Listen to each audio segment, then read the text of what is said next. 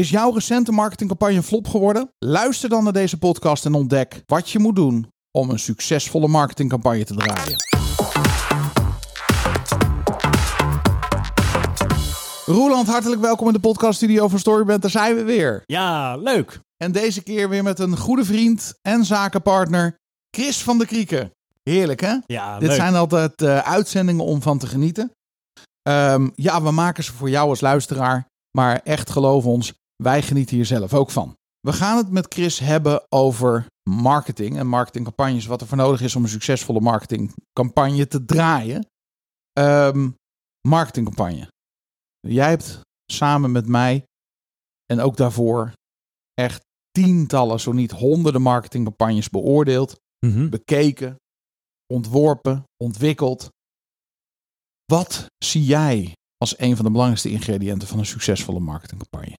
Oeh, dat het ABC'tje klopt. En wat ik daarmee bedoel, dat is de, hè, over het algemeen heb je het dan over advertentie, landingspagina met de boodschap die daar staat en eh, het vervolg, dat dat allemaal op één lijn is. Ja, het moet kloppen, hè? Dat is Ja. altijd zo belangrijk. Heerlijk. Ja, bij Storyband noemen we dat het, con- eh, het controlerende idee. Mm, En 9 van de 10 keer als je gaat kijken, dan kan die nog wel eens verschillen. ja. En Echt, dan, hè? eh, ja, dan, nou, dan, dan loopt hij niet of dan werkt hij niet. Lekker, dat controlerende idee. Om meteen met de deur in huis te vallen. Normaal doen we de call to action ergens in het midden aan het eind. Laten we hem nu doen. Wil jij begrijpen waar Roeland het nu over heeft? Het controlerende idee. Wil je checken of jouw marketingcampagnes succesvol zijn? Wil je zorgen dat ze voortaan altijd succesvol zijn? Kom 24 en 25 januari naar Amsterdam. Meld je alsjeblieft aan. Ga naar storyband.nl, koop een ticket. En is het, ehm, ja, luister je nu en is het al lang januari geweest en denk je, we hebben ze het over? Ga gewoon naar Storyband, naar de website en kijk naar een van die tweedaagses. En ga samen met mij en met Roeland en ons team en de gecertificeerde gids aan de slag om voortaan je marketing te laten werken. Ja, doen. Ik stel voor dat we onze gast gaan introduceren. Let's go. Chris van der Kriek is een van de beste marketeers van Nederland. Oprichter en eigenaar van Switch Online Marketing en van Copy Boosters. Hij heeft een team gebouwd van digital nomads die over de hele wereld werken en samen de beste resultaten halen voor hun klanten. Hier is Chris van der Krieken. Hey Chris, hartelijk welkom in de podcaststudio van Storyband. Yes, Daan, dankjewel. Aflevering 2. Ja, We kwamen er net achter dat jij... eh, je was de gast in de derde podcast en je was mijn tweede gast. ja, dat is een unieke, eh, unieke rekensom die je daar gemaakt hebt. Ja, het is even een tijdje geleden. Het is echt een tijd geleden. Ja, Ja. je hebt mooie mensen achter je microfoon gehad eh, Echt, in de afgelopen tijd. Ja, Ja. te gek man. Wij vinden het gewoon gaaf om waardevolle content te maken.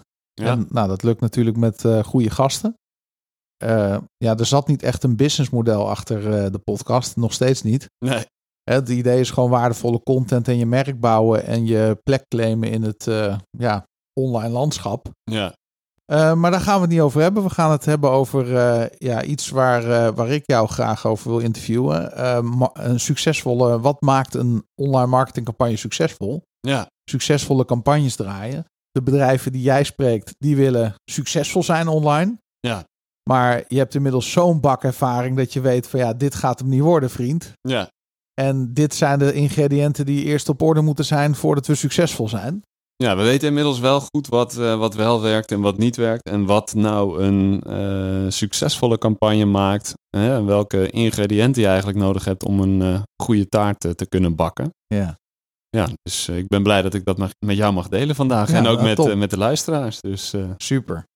Hey, als jij, ehm, eh, je wordt benaderd door een bedrijf. Mhm. Het kan het bedrijf zijn van de luisteraar. Die Ja. komen bij jou, of het nou B2B is, B2C. Ehm, mens tot mens zeg ik altijd. Mens tot mens, precies.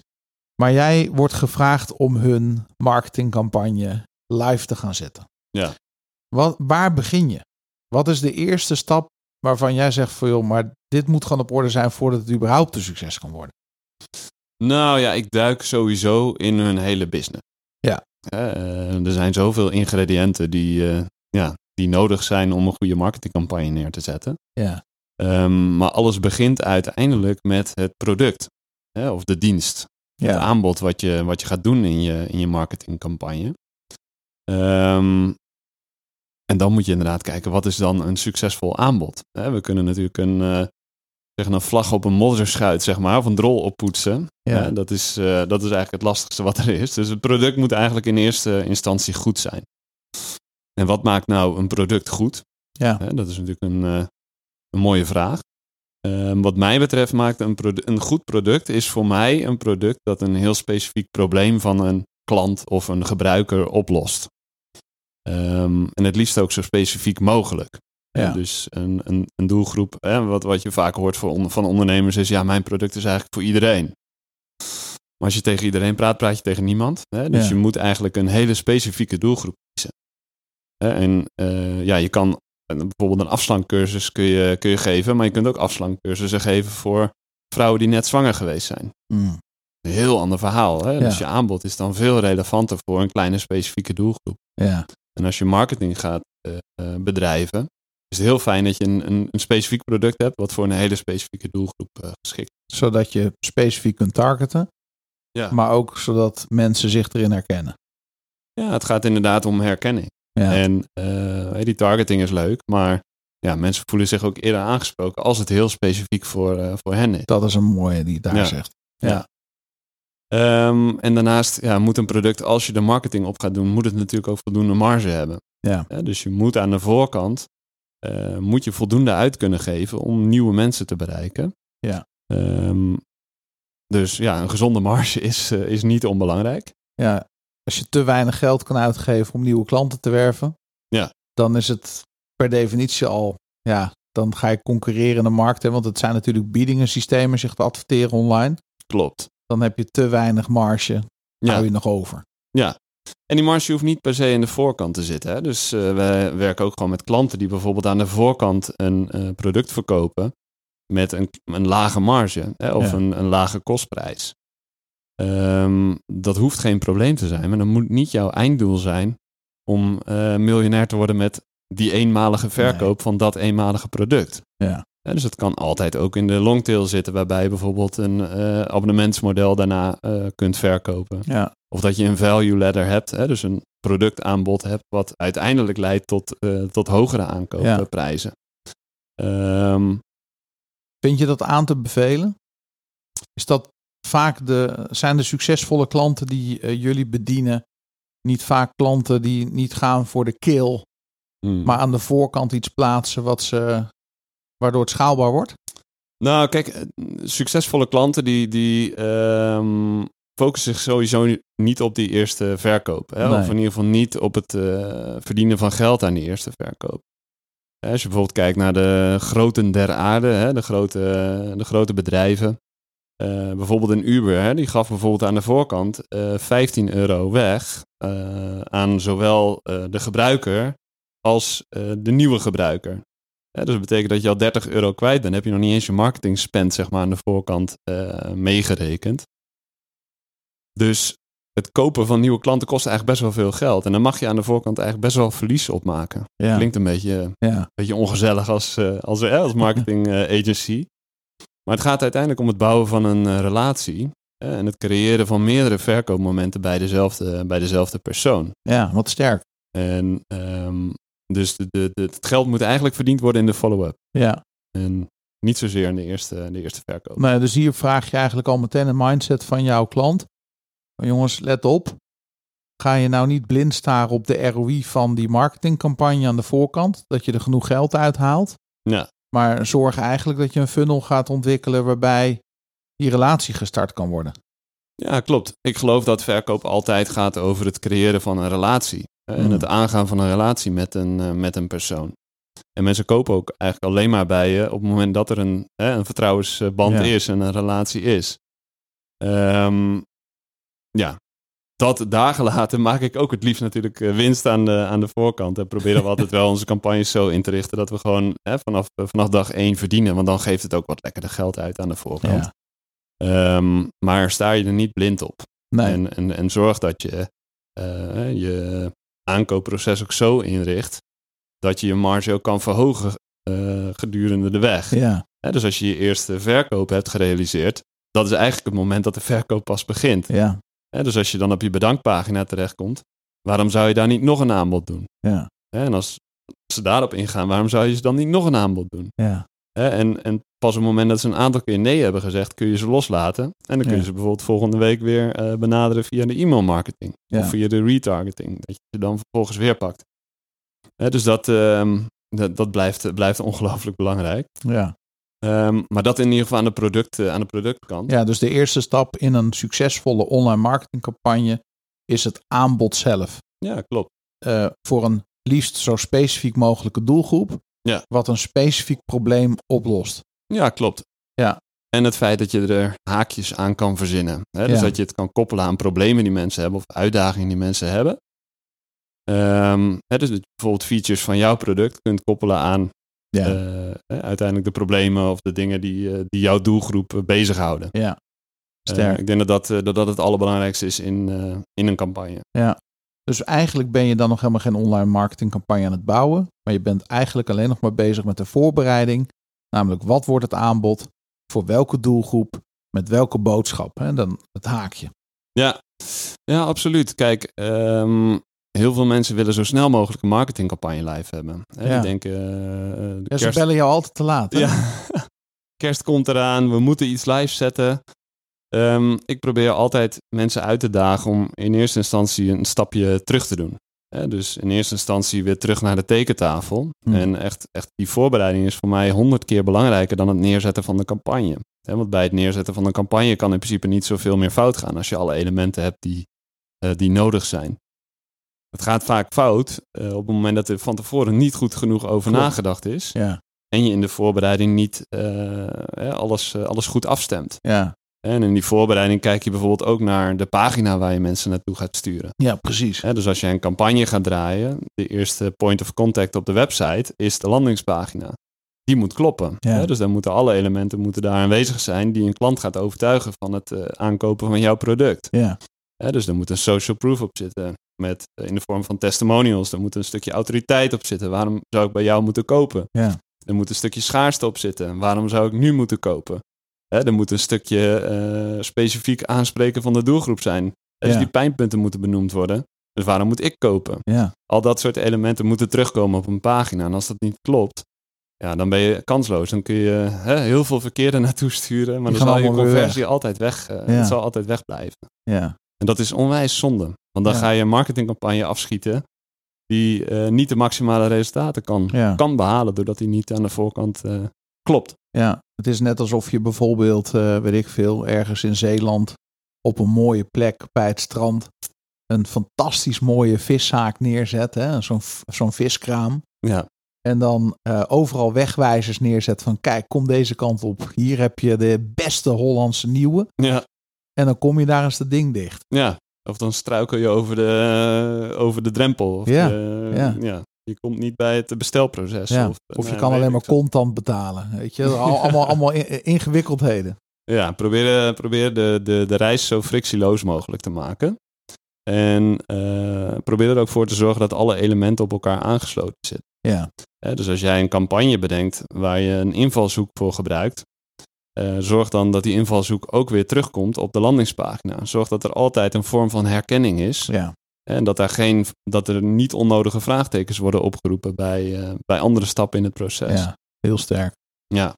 Oké, dus we hebben, ehm, als we Chris ehm, eh, los laten gaan om onze online marketing succesvol te maken, dan gaan we naar het aanbod kijken. Ja. En de volgende stap is, we gaan naar, eh, het, zeg maar, hoe, hoe die route loopt. Ja. Zou je het zo willen noemen? Of? ja, de route en alle elementen die aangeraakt worden tijdens een campagne. Ja. Dus het aanbod is stap 1. De landingspagina's is eh, stap 2 bijvoorbeeld. Ja, Eh, en dan ga je kijken eigenlijk naar de strategie. Dus hoe gaan we mensen uiteindelijk naar ons einddoel leiden? precies. Als jij een product hebt van 2000 euro, eh, afgezien van het feit dat het dan bijvoorbeeld een MacBook zou zijn, hè, dan zou je die waarschijnlijk niet direct gaan, gaan verkopen. Hè, dus daar moet misschien wel een stapje tussen zitten. Ja. En hoe moet die stap er dan uitzien?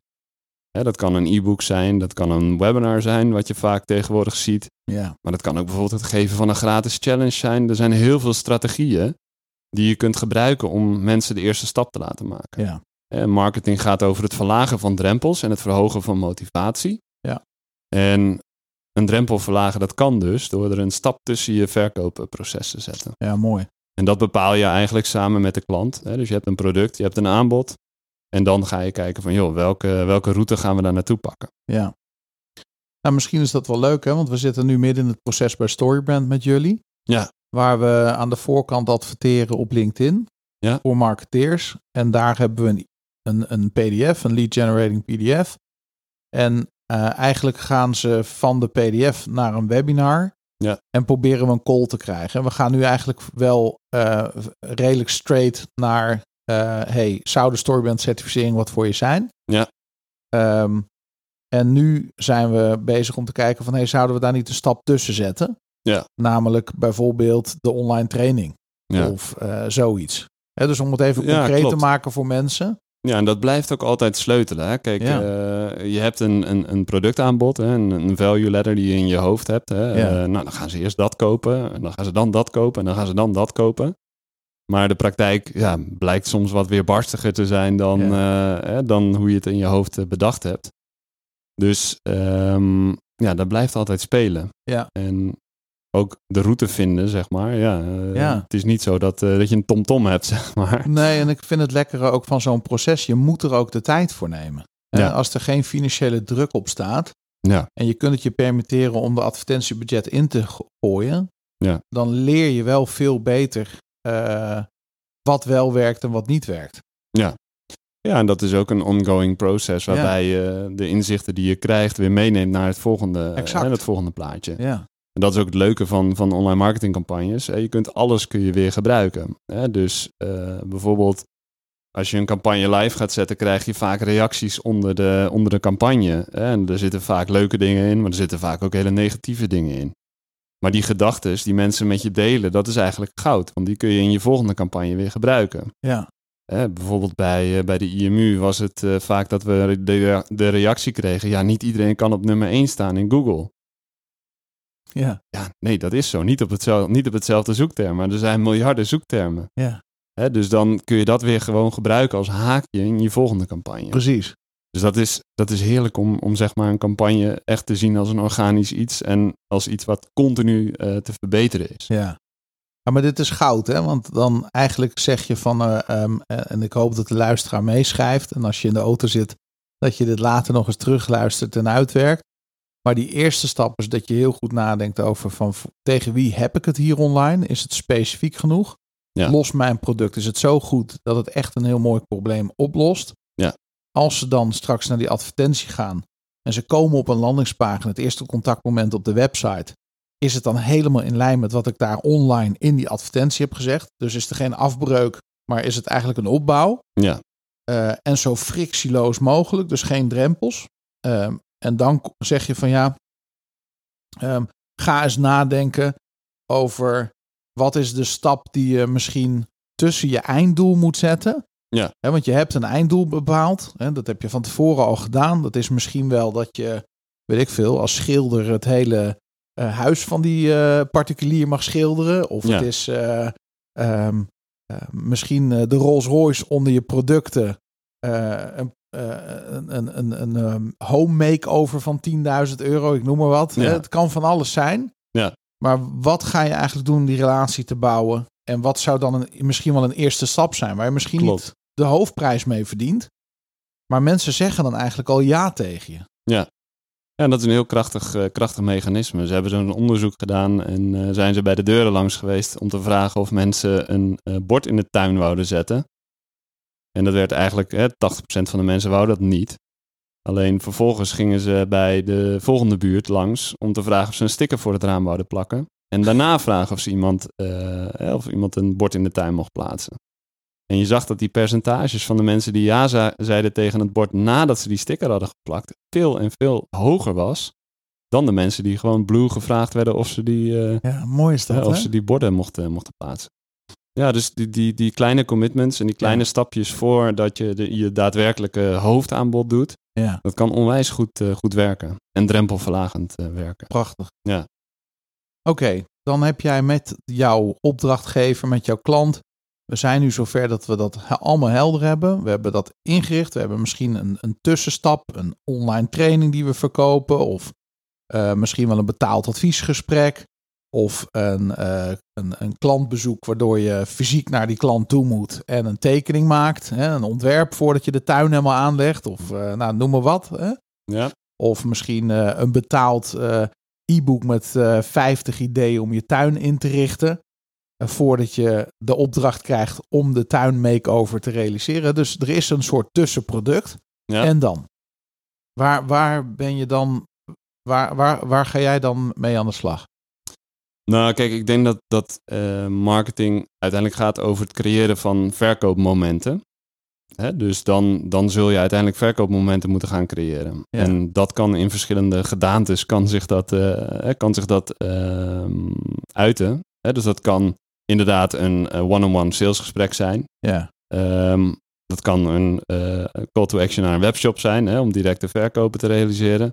Eh, dat kan een webinar zijn, waarbij je eigenlijk in één keer met 100 mensen een eh, salesgesprek hebt. ja, Maar dat ligt helemaal aan het, eh, aan het eh, product. Ehm, elk product vraagt om een, eh, om een andere aanpak. ja. En elke ondernemer vindt een andere werkwijze. Hebben ze misschien al ervaring mee dat dat werkt? Ja.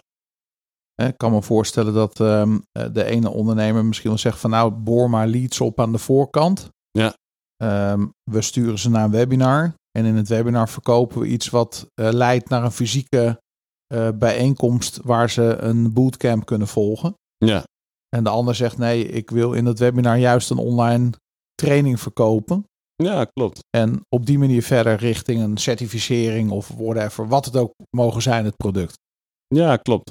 En ik denk dat je daarin altijd van tevoren inderdaad na moet gaan van hè, wat, is mijn, wat is mijn einddoel? Hè, wil ik zoveel mogelijk verkopen realiseren aan de voorkant? Hè, of wil ik zoveel mogelijk leads verzamelen, zodat ik aan de achterkant meer kan verkopen, zeg Ja, maar? ja. Hè, dus daar moet je van tevoren gewoon goed over nadenken. Dat is eigenlijk wat we met klanten gewoon vanaf, eh, vanaf het begin doen. Hè, dus om dat op die manier goed, eh, Ja. goed in kaart te brengen en dan vervolgens ook uit, eh, uit te voeren. Ehm, je zei het al eventjes van de e-mail marketing. Hè? Dus, dus een van de dingen die je natuurlijk prachtig online kan doen, is eh, leads opboren. Zelfs al wat verkopen. Wellicht parallel een verkoopproces starten. Ja. En dan ondertussen je e-mail marketing eh, doen. Ik las eh, vandaag dat HubSpot zei dat de ROI op e-mail marketing iets van 4200% is. Hè? Dat zijn astronomische eh, getallen. Ja, zeker. Ik heb dat ook al veel eerder gehoord. Hè. Dat betekent dus 1 eh, euro eh, in, 8, of 42 euro uit. Hè. Dat, dat, dat, dat, dat is prachtig. Dat zijn mooie cijfers, ja. Campaign Monitor in Australië zegt 1 dollar in, 48 dollar uit. De Direct Dialogue Marketing Association in Amsterdam is iets voorzichtiger. Die zeggen 1 euro in, 24 euro uit. Maar wat het ook is, ik stel me, en misschien heb jij dat wel eens een keer ooit tegen me gezegd. Ja, moet je je voorstellen dat je machine in je kamer hebt staan waar je een euro in gooit. Ja, En er komen 24 euro uitrollen. nou, hoe vaak doe je dat? Hoe Ja. vaak doe je dat, toch? Ja. Ja, hoe vaak doe je dat? Ja. eindeloos. eh, Een van jouw klanten zei wel eens een keertje tegen jou van ja, ik zie alweer dat er 50.000 euro van mijn creditcard is afgeschreven voor die Facebook ads. Ja, ja, ja. Chris, je bent te, te duur. Ja, ja, ja. Terwijl ze een enorme ROI haalden. ja, klopt. En dat is altijd bij, eh, bij het eh, bepalen van een budget bijvoorbeeld. Hè, en eh, wat mag je uitgeven aan de, Ja. aan de voorkant? Dat is altijd een, een, een, een tricky vraag. Ja, Hè, want inderdaad, als je die machine hebt, hoeveel ga je, dan, hoeveel ga je er dan in stoppen? ja, Hè, uiteindelijk is dat oneindig. Ehm, en dat is het leuke aan het spelletje wat we met online marketing natuurlijk spelen. ja. En, ehm, Ryan Dice ehm, van Digital Marketeer zegt, he who pays the most wins. Ja.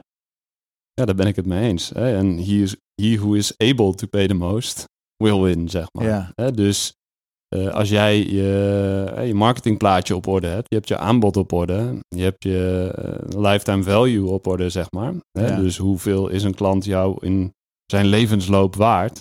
Hè, Als je dat op orde hebt, dat Ja. is wanneer je eh, het meest aan de voorkant kan uitgeven. Hè? En zoveel mogelijk kan spenden. Eens. Een van de dingen die ik heel vaak zie in online marketingland, tenminste laat ik het zo zeggen, ondernemers hebben vaak belemmerende overtuigingen.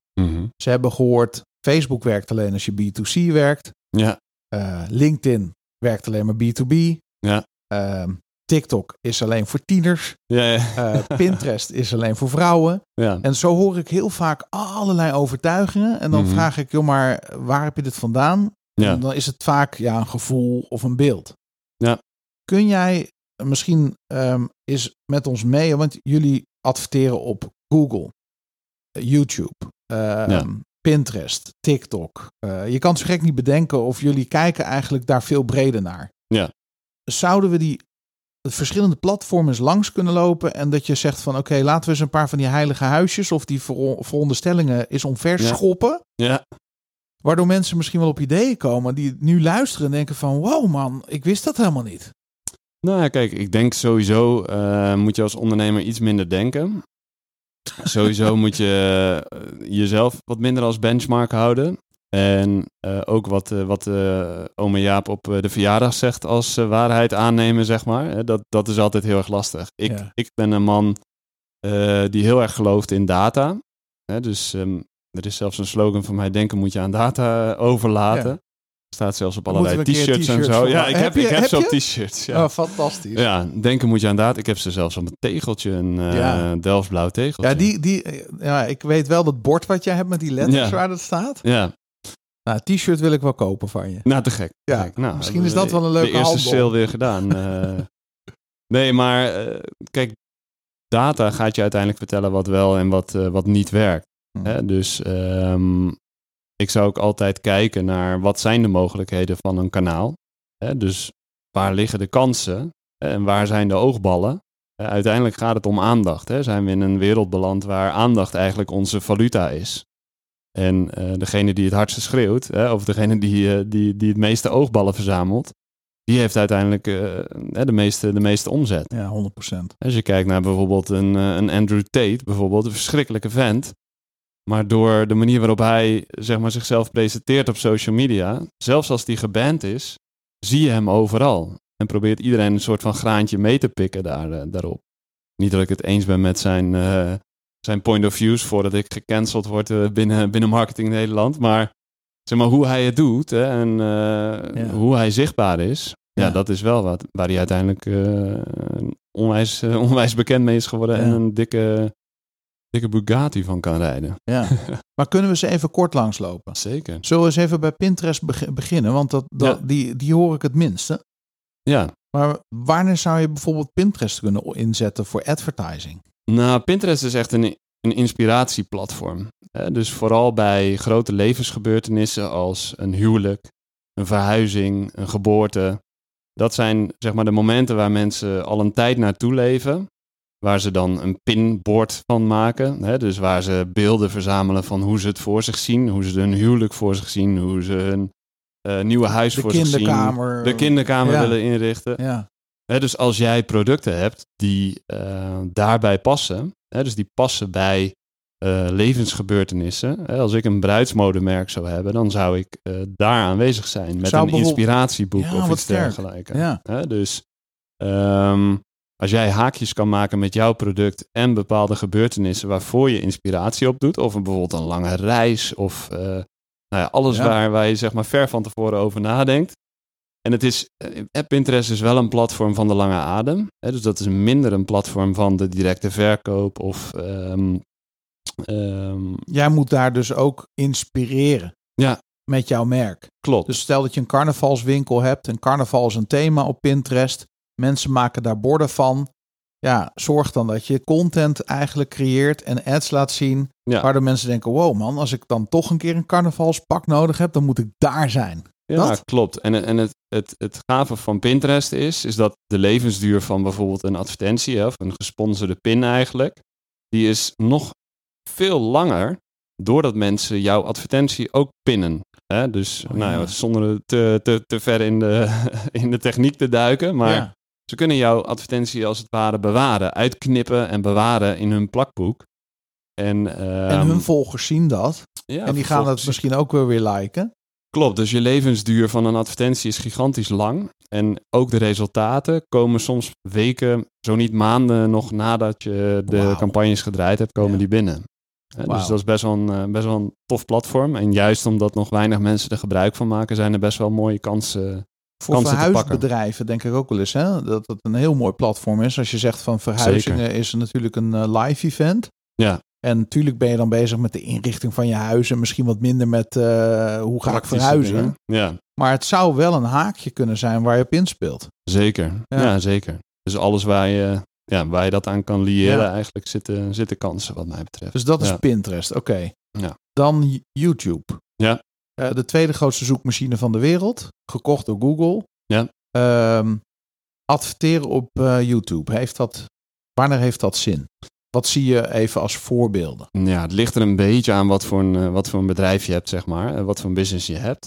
Ehm, het is ook een platform waarbij de directe return niet altijd, hè, want mensen zijn met iets bezig. Ja. Hè, dus ze zijn bezig met het kijken naar een video of naar een film of naar iets, iets wat, eh, wat ze eigenlijk vast willen, willen houden. Ja. Ehm, dus directe conversie daar is eh, lastig.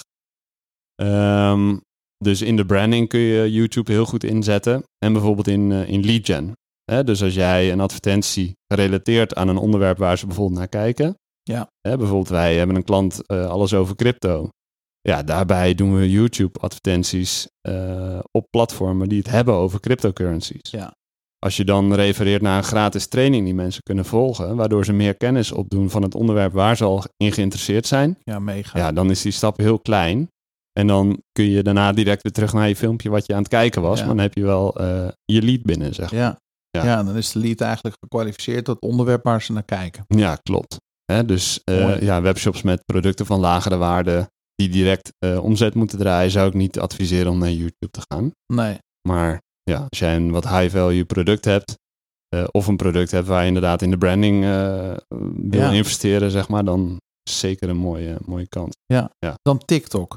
Een relatief heel jong platform. Ja. Ehm, even, even los van wat we allemaal vinden van TikTok. Ja. Dat Ik hoorde dus dat er, dat er dus twee variant, eh, varianten zijn van, van TikTok. Oh, echt? Dus ByteDance, die heeft, hè, dat moederbedrijf van, van TikTok, die heeft eigenlijk twee varianten van TikTok. Waar ik dus heel erg van schrok. Dus eh, in, in, ah, in China is er een variant van, van TikTok waarbij kinderen tot 14 jaar eigenlijk alleen maar educational video's krijgen. Dus content krijgen die entertaint en, eh, of niet entertaint, maar eh, inspireert en informeert. Het gaat over kunst, gaat over natuurkunde, over wiskunde, over echt gewoon coole dingen die kinderen kunnen leren, academy. zeg maar. Ja. En eh, de, de versie die wij eigenlijk doorgespeeld krijgen, is een versie die eigenlijk een soort van sugar candy rush is van, Ja. hè, van wat, het, eh, wat het in China is. Ja. Hè, dus, en je zag ook in een onderzoek hè, dat, dat in China willen mensen astronaut worden, hè, wat, wat, wat wij vroeger eigenlijk ook allemaal wouden worden. Ja. En in Amerika willen mensen influencer worden. Hè, dus, dus je ziet, en dan, dan moet je nagaan wat dit voor een effect heeft over generaties. Hè, dus als je 1, 2, 3, 4, 5 generaties verder bent. En mensen zijn alleen maar bezig met het consumeren van Ja. verschrikkelijke content. Ja. Ja, ik ben wel benieuwd wat dat, eh, wat dat gaat doen. Kijk, eh, als marketeer hou ik van dit soort kanalen omdat die oogballen erop gericht zijn. Maar als mens eh, ben ik eigenlijk een beetje verdrietig als ik het zie en als ik ook dit soort dingen hoor, zeg maar. Ja. En Nou, ja. Ik denk dat we dat allebei delen met elkaar. Hè? Dat we zeg maar houden van het vak marketing en de Ja. kansen die het biedt voor mooie merken die wel de wereld beter maken en dat podium eigenlijk pakken om hun boodschap. Ja, Het is een beetje van, joh, ik sta op een markt waar ik niet wil zijn. ja, Maar omdat hier heel veel mensen zijn en een zeepkistje beschikbaar is, ga ik wel het podium pakken. ja. Use a force of evil for good. Dat, is dat is feitelijk wat we doen, vind ik. Ja, Eh, en eh, ik, ik was van de week eh, even in een filosofische bui in mijn grote stoel thuis. ja, Het huis was leeg, ik was alleen. Heerlijk, even een denkmoment. En toen dacht ik wel van, joh, hè, je hebt zeg maar je hart en je gedachten. Mhm. En wat je erin stopt, krijg je er ook weer uit. Ja, En al die gigantische bagger die we zien op die kanalen. En dan bedoel ik niet eens eh, hele slechte dingen. Maar gewoon het feit dat je gewoon naar heel lang... Hè, mensen, als je kijkt naar de, de schermtijd Mhm. en al die invloeden. Nou, wat je zegt, de een wil astronaut worden doordat hij dingen heeft gezien. Ja. Die inspireren om het maximale uit hun leven te leiden. Ja. En dan heb je een hele generatie die influencer wil worden. Die dus een beeld hebben van de werkelijkheid die niet strookt met de werkelijkheid. Nee, Het is best heftig eigenlijk. Maar Ja. goed, dat is even een ander ja, onderwerp. heel ander. Hoe kwamen we hier nou oh, op? sorry. ja. hoor. Ja, verschrikkelijk. Maar, maar ehm, TikTok, waar- wanneer eh, is dat in te zetten? Nou, kijk, het is sowieso een platform wat enorm aan het groeien is in, eh, in Nederland. Ja. En eh, mensen denken inderdaad dat, dat het voornamelijk groeit in de, in de jonge doelgroep. Hmm. Maar je ziet zeker dat eh, ook in de doelgroep eh, van eh, 30 plus, 40 Ja. plus, Ja, hè, dat ook die mensen eh, TikTok aan het ontdekken zijn. ja. Hè, en dat het niet meer alleen een, eh, ja, een, een platform is wat, eh, wat kinderen gebruiken om dansjes in te studeren. Als je het wil inzetten, dan moet je het ook echt inzetten als eh, platform zoals het is. En dan moet je gebruik maken van wat er werkt op TikTok. En dat is heel erg eh, snel. Hè? Dus wat vandaag tof is of wat, wat vandaag werkt, werkt morgen niet meer, zeg maar. Nee. Hè? Dus eh, de content die je daar moet gebruiken moet native zijn. En dat kun je zelf doen, maar je kunt ook kijken of er influencers zijn. eh, verschrikkelijk woord, maar en mensen die eh, creatives eigenlijk, die, die content voor jou kunnen gaan maken. Hm. En die je, ze- die je daarvoor kunt betalen. Ja. En dat is meer dan inderdaad in, de product, in de productsferen. Ehm, of in de online trainingen. Of nou ja, dat soort, eh, Ja, dat kennis. soort producten. Ja, die kun je zie zeker... ook wel eh, kennis langskomen op ja, TikTok. zeker. Die kun je zeker daarvoor, eh, daarvoor gebruiken. Maar eh, sleutel is dat het content is die native lijkt. Hè? Dus die lijkt alsof het echt gewoon een TikTok-filmpje is. Ja. En dat helpt mensen om, om daar ook de aandacht op, op te vestigen. Mooi. Dus we hebben ehm, Pinterest, YouTube, TikTok. Ja. Laten we eens gaan naar LinkedIn.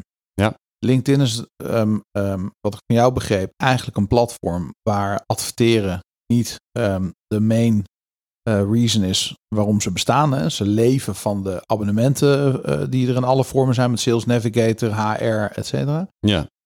Maar ze zijn dus eigenlijk relatief nog een heel jong platform qua adverteren. Wanneer Ja. zou je daar adverteren? ja, ze zijn een jong platform, maar ze zijn wel echt aan het investeren in hun, in hun eh, ad-netwerk.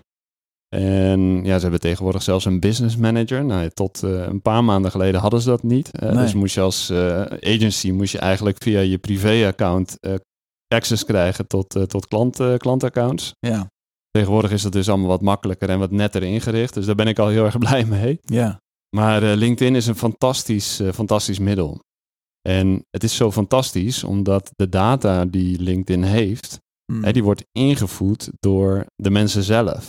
Waarbij Facebook kijkt naar je gedrag, naar websites die je bezoekt. Geef je bij eh, LinkedIn heel specifiek zelf aan naar welke school je bent geweest. Je geeft Ja. zelf aan welke functie je hebt, hoeveel jaar je daar hebt gewerkt. eh, of je eigen ondernemer bent. Nou ja, je kunt het zo gek niet verzinnen. Van de groepen die je lid bent, eh, de, de, de, de ads die je aanklikt. Nou ja, je kunt het zo gek niet verzinnen. Of LinkedIn weet het van je. Hè? En dat maakt dat je op LinkedIn ongelooflijk specifiek Ja. kunt, kunt targeten. Ja.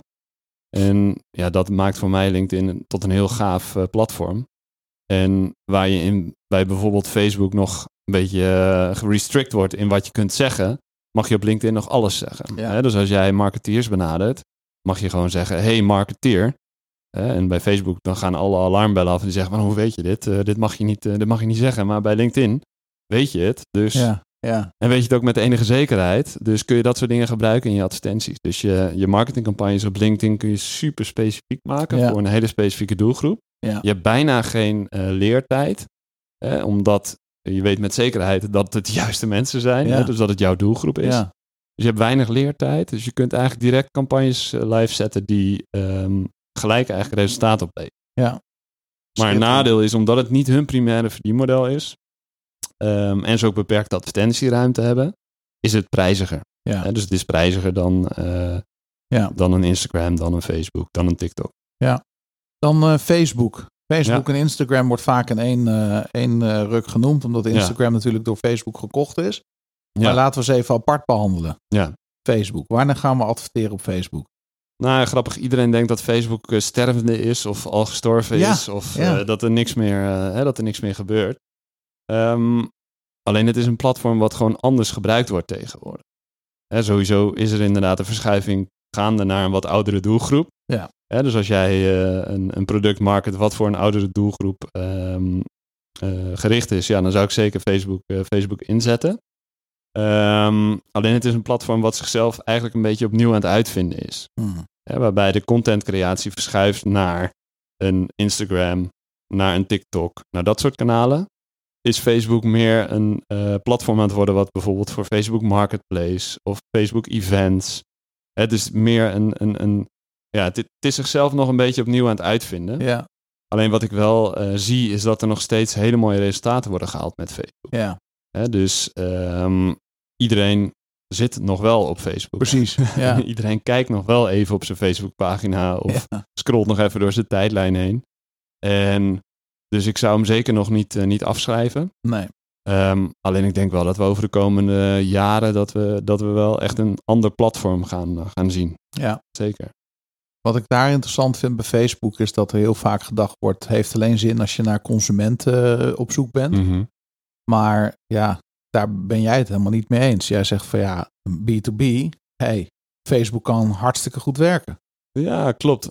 Ja, kijk, uiteindelijk zijn we allemaal mensen. En eh, Ja, wat ik in de vorige podcast volgens mij zei, is dat je uiteindelijk als je op de wc zit, dat je toch eh, niet naar LinkedIn gaat, maar dan toch even lekker gaat scrollen op Instagram of op Ja. Facebook. ja mooi voorbeeld. Dus niks menselijks is ons eh, vreemd. ja, Ehm, dus ik zou ook altijd kijken naar resultaat en Ja. daarmee naar data. Ja. En dan van daaruit beslissingen nemen en niet vanuit je onderbuik.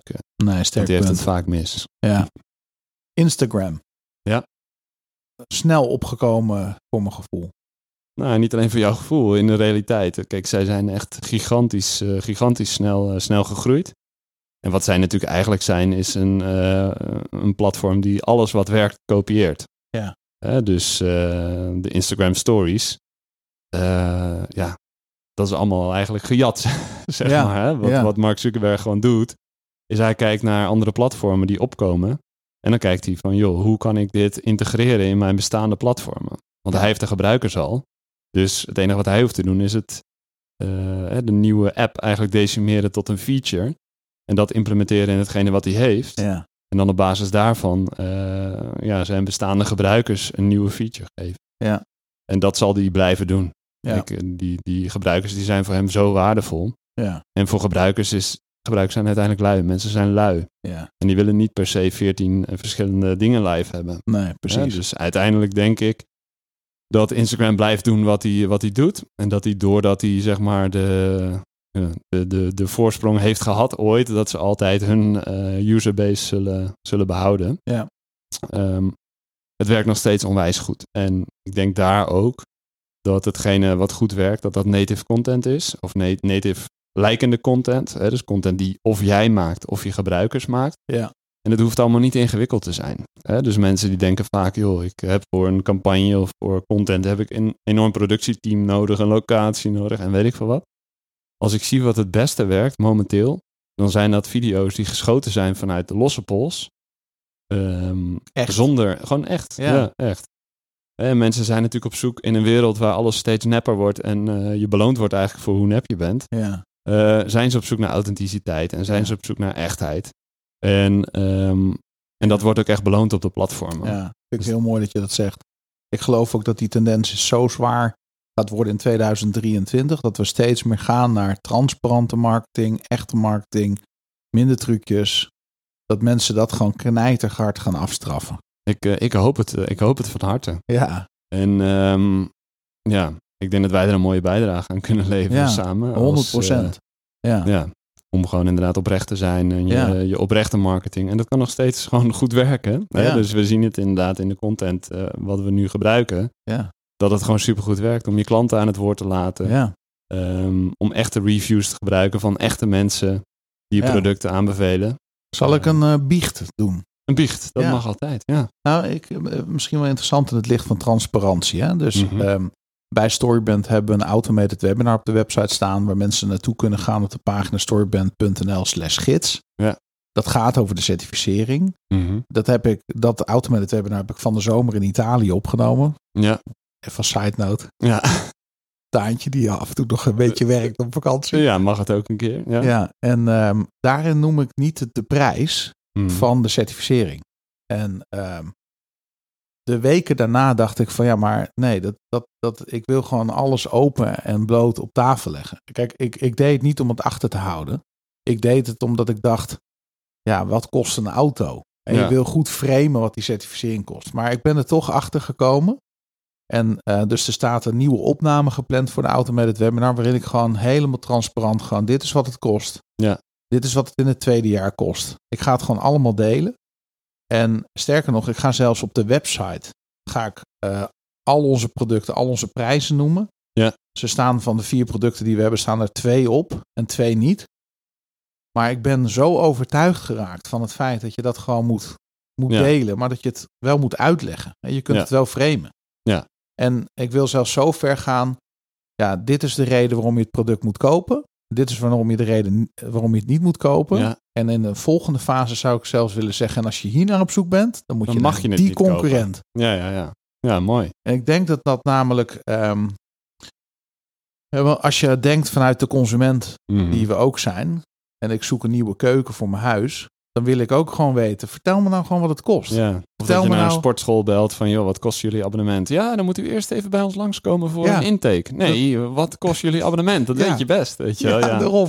Maar dat is inderdaad gewoon een filosofie die, eh, die ooit bedacht is. Ik denk dat je met transparantie veel, veel verder komt. Hè? En eh, ik denk dat de, de keuze vaak genomen wordt vanuit angst. Exact. Hè? Dus eh, als ik dit product op mijn website zet, ja, dan gaat niemand het kopen. Want ze moeten eerst weten hoe goed het is. Of ze moeten Ja. eerst dit weten, of ze moeten eerst dat. Of ik moet ze eerst spreken. Ja. Ja. dus ik denk dat dit juist een hele mooie en moedige keuze is om ze wel gewoon eh, Ja. te, gaan, te gaan benoemen. Met de juiste benefits en de juiste beloften erbij. Van hè, als je met ons gaat werken, dan krijg je dit. Of dan ga je daar naartoe. Of Ja, dan gaat je dit je, er zo uit. precies, en dit is wat je wel moet verwachten. En dit is gewoon wat we niet kunnen. Ja. Dit krijg je niet bij ons. Ja, en dat is ook mooi, denk ik. Ja. En ook om daar in je marketing gewoon ook eerlijk over te zijn. Ja. En bijvoorbeeld, we zien het bij bijvoorbeeld webinarklanten.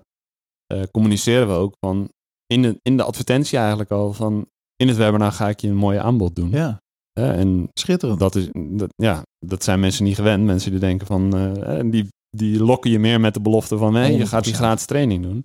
Maar goed, waarom zouden mensen niet de volgende stap willen zetten als Ja. ze enthousiast zijn geworden van jouw verhaal? Dus waarom zou je daar niet open en eerlijk over? Vanmorgen vroeg, ik was hier om kwart over zeven. Ik ben hier niet altijd om kwart over Ik zeven. wou net hoor. zeggen, dan zit je. Maar nu was ik er wel even vroeg. En ehm, toen heb ik een e-mail geschreven met een uitnodiging voor een webinar wat ik volgende week geef. Ja. En daar heb ik gewoon letterlijk wat je nu zegt, heb ik erin gezet van joh, dit is nadrukkelijk geen verkoopwebinar. Je Ja. krijgt gewoon een uur lang waarde.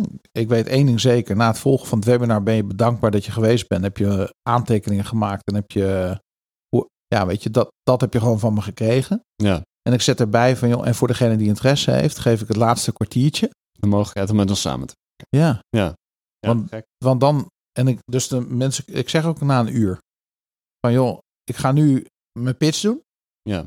Dus als je dat niet wil horen, moet je nu weggaan. Ja. Hè, dan hoop ik dat je gewoon een waardevol webinar hebt gehad voor degene die interesse hebben. En ik, ik denk dat dat, in plaats van dat je eigenlijk het hele gevoel, de hele tijd het gevoel krijgt in een webinar dat er een opbouw is naar een pitch, Ja, dat je meteen die angel eruit haalt en gewoon zeggen, jongens, ja, tuurlijk, ik ga mijn aanbod doen. ja, Ik bedoel, het zou niet eerlijk zijn naar de mensen die, weet je, ik, heb, ik, ik kan jouw eh, eh, wonden genezen, ja. maar ik ga even niet zeggen hoe, hoe ik dat doe. Ja, dat, dat is toch bullshit? Ja, Ja, en ik, ik, ik, ik hoor je heel erg. En eh, ik denk dat, dat dit een hele frisse, frisse benadering is. ja, En ehm, ik denk dat die heel goed kan, eh, kan werken. ja, En, zeker, en, en dat je ook de juiste mensen daarmee aanspreekt. ja. Nou, dat is het ook. Ja. Je krijgt dan ook de klanten waar je, nou, de klanten die je verdient krijg je toch? Ja. Ja. ja. Laatste, Google. Google. Hebben we nog niet gehad. Ja, dat is natuurlijk de grootste zoekmachine die er bestaat. En ehm, Was dat ook niet online het eerste platform waarop je überhaupt kon adverteren? Oh, dat, dat weet ik eigenlijk niet. Nou, Nee. Dat weet ik eigenlijk niet wat er, wat, er het eerste, wat er het eerste was. Zij hebben er in ieder geval een verschrikkelijk lekkere boterham, eh, lekkere boterham aan verdiend. En eh, ja, ik denk dat Google niet mag ontbreken in, eh, in enige, in enige marketing, marketingmix. Ehm, dus dat je het eigenlijk altijd kan inzet, Ja. inzetten. Ik zou het wel altijd gefaseerd doen. Dus wat je veel ziet en veel bureaus die focussen zich bijvoorbeeld voor, voor 90% op branded campagnes. Ja. En dan krijg je van hun een fantastisch rapportje met eh, ROAS eh, op eh, branded campagnes. En dat zou best wel eens verkeer kunnen zijn die, ja, als jij niet geadverteerd had, misschien ook wel gewoon op je, o- hè, op je website had geklikt. Ja. Dus Even daar... voor de luisteraar die niet, niet zo goed thuis is in de materie als oh, jij. excuses. Ja. Nee, maar dat, dat, dat is logisch, denk ik. Branded campagnes zijn eigenlijk merkcampagnes waarbij je wel aanwezig bent en adverteert, maar het gaat niet zozeer om de conversie die je eruit probeert te halen. Klopt dat? Nee, branded, branded campagnes zijn campagnes die je draait eigenlijk op je eigen merknaam. Hmm. Dus stel, ik eh, ben de eigenaar van eh O'Neill, Oh. O'Neill een surfmerk. Ja, en, en iemand die zoekt op O'Neill board shorts. Eh, en jij gaat daar dan voor betalen om als O'Neill bovenaan te staan. Ja. Dus dat kun je doen. En het is misschien ook helemaal niet onverstandig, zeg maar. Maar heel veel bedrijven en heel veel bureau, bureaus, die zullen je dan alleen maar die campagnes laten zien. Ja. En daar komen natuurlijk fantastische ROAS op. Ja, Alleen welke je eigenlijk wilt, hè, dat zijn eh, de, de boardshorts vergelijken zoektermen. Of de zoektermen eh, wat voor een eh, zwembroek moet ik aandoen tijdens het surfen? Ja, wat is de beste zwembroek als ik ga surfen? Dat, hè, dat zijn de zoektermen waarbij mensen nog in een andere fase zitten. Hmm. Hè, waarbij het dus waardevoller is om die mensen binnen te halen, die dus eigenlijk vanuit een bredere zoekterm komen. Hè, om die mensen binnen te halen en te overtuigen. Ja. En daarvoor moet je gewoon een hele goede, goede copywriter zijn. Precies. Moet, moet je niet alles aan Google overlaten. Moet je gewoon ervoor zorgen dat je de kracht van Google gebruikt, maar dat je nog steeds eh, zelf ook slim bent. zeg Ja, super. Ja, wat je natuurlijk niet mag doen, is dat je op merknaam van een ander Nee, gevonden wordt met advertenties op jezelf. nee, dat gebeurt nu wel steeds vaker. Ja, dat zie ik ook. dus eh, Google automatiseert heel veel dingen. Eh, zelfs ook de advertentieteksten. Hè, dus dan maakt hij eigenlijk dynamische advertentieteksten op basis van de zoektermen die jij ingeeft. En ja, dat kan nog wel eens voor wat eh, vreemde situaties zorgen. Ja. Waarbij je bijvoorbeeld op je concurrent, terwijl je dat eigenlijk helemaal niet wil, aan het adverteren bent, omdat Google te veel aan de knoppen zit. Ja. Hè, Ja, dus, het is niet per definitie dat die concurrent jouw naam gebruikt. nee, Maar het kan dat Google in hun advertentieaccount. Nou ja, kijk, Google die snapt wel dat het gerelateerde zoektermen zijn. Hè? Dus Ja. dat, dat algoritme is zo slim dat hij die verbanden kan leggen. Ja, En als je dan ze- tegen Google zegt, verzin jij de advertentieteksten maar. En verzin jij ook maar de zoektermen waar we op, eh, waar we op gaan adverteren. ja dan Hè, dus je geeft eigenlijk alle controle uit handen. Ja, dan kun je dit soort situaties krijgen. En dan kun Ja. je ruzie krijgen met, eh, met, je met je concurrenten. Ja, En dan kunnen zij hetzelfde bij jou gaan doen. Ja. Wat vaak helemaal niet werkt. Hè? Dus, dus heel Nee, vaak werken nee. conc- concurrerende zoektermen, die werken eigenlijk helemaal niet goed. Eh, omdat mensen specifiek, zijn, specifiek op zoek zijn naar een merk. Hè? Dus dan moet je mensen wel echt vanuit een heel andere plek naar jou, eh, naar jou toe trekken. Ja. En dat zie je vaak dat dat hele hoge klikprijzen veroorzaakt. Ja. Dus niet doen. Niet doen. Nee. Nee. Ehm, waar sturen we mensen naartoe die met jou in contact willen komen? En misschien wel Switch online marketing willen inhuren voor hun campagnes. Waar gaan we ze heen sturen? Ja, ik denk het makkelijkste dat het via de website is. Ja? Ja, waar wij eigenlijk altijd mee beginnen. We, willen eigenlijk, we zijn een bedrijf die eigenlijk alles net even anders doet dan de meeste bedrijven. En dus een samenwerking met ons start eigenlijk ook altijd met een gesprek waarin we gaan kijken of we eigenlijk wel bij elkaar passen. Ja. Hè, dus wat we net zeiden, we willen een force of eh, evil for good gebruiken. Dus wij werken ook het liefst met merken en bedrijven die een positieve impact willen maken. Ja. Die of iets beter willen doen voor de planeet, voor eh, de mensen om, om hen heen. Ja. Ehm, dus dat zijn, dat zijn de mensen waar onze voorkeur naar uitgaat. Soms slipt er wel eens een toffe ondernemer door die gewoon een vet product heeft. Maar Ja. dat is wel een beetje onze basis. Ja. En dan kijken we vanuit daar kijken we gewoon verder naar eh, welk product heb je, wat aan, welke, en alle elementen die wij eigenlijk vandaag in deze podcast besproken Ja. hebben, die gaan we dan, eh, die gaan we dan onder, de, onder de loep nemen. Wat is de URL? Eh www.switchommarie.nl Ja, Switch, switch online om. marketing, switch om, switch, om, Otto Ja. Marie, online marketing.nl. Hebben we hem nog? Ja, Switch om. Switch OM. Ja. Ja. Fantastisch. Daar gaan we ze naartoe sturen. En anders kunnen ze natuurlijk altijd Chris van der Krieken opzoeken op LinkedIn en even een berichtje sturen. Maar het liefste Yes. via de website, want dan eh, gaat het. eh, Ja, Dan gaat het en ik wil altijd met je meesparren. Kijk, als jij een, eh, een, een online marketing kwestie hebt, we hebben gewoon een aanvraagformulier, een strategie sessie aanvraagformulier. Dat is gewoon Ja. een gratis sessie, half uur. En dan bekijken we gewoon jouw case, bekijken we jouw business. En dan Ja. kijken we of, of we jou kunnen helpen. En anders sturen we je altijd in de juiste richting of geven we toffe tips waar je mee aan de bak kan. Ehm, twee laatste vragen, Chris. Yes. Eén, één is nieuw. Ik weet niet of je die al een keer voorbij Oh, oh. hebt horen komen. Maar als alle billboards in Nederland een dag van Chris zijn, wat zou je er dan op ze- zetten? Wat een mooie vraag, zeg. Alle billboards. Ja, echt allemaal.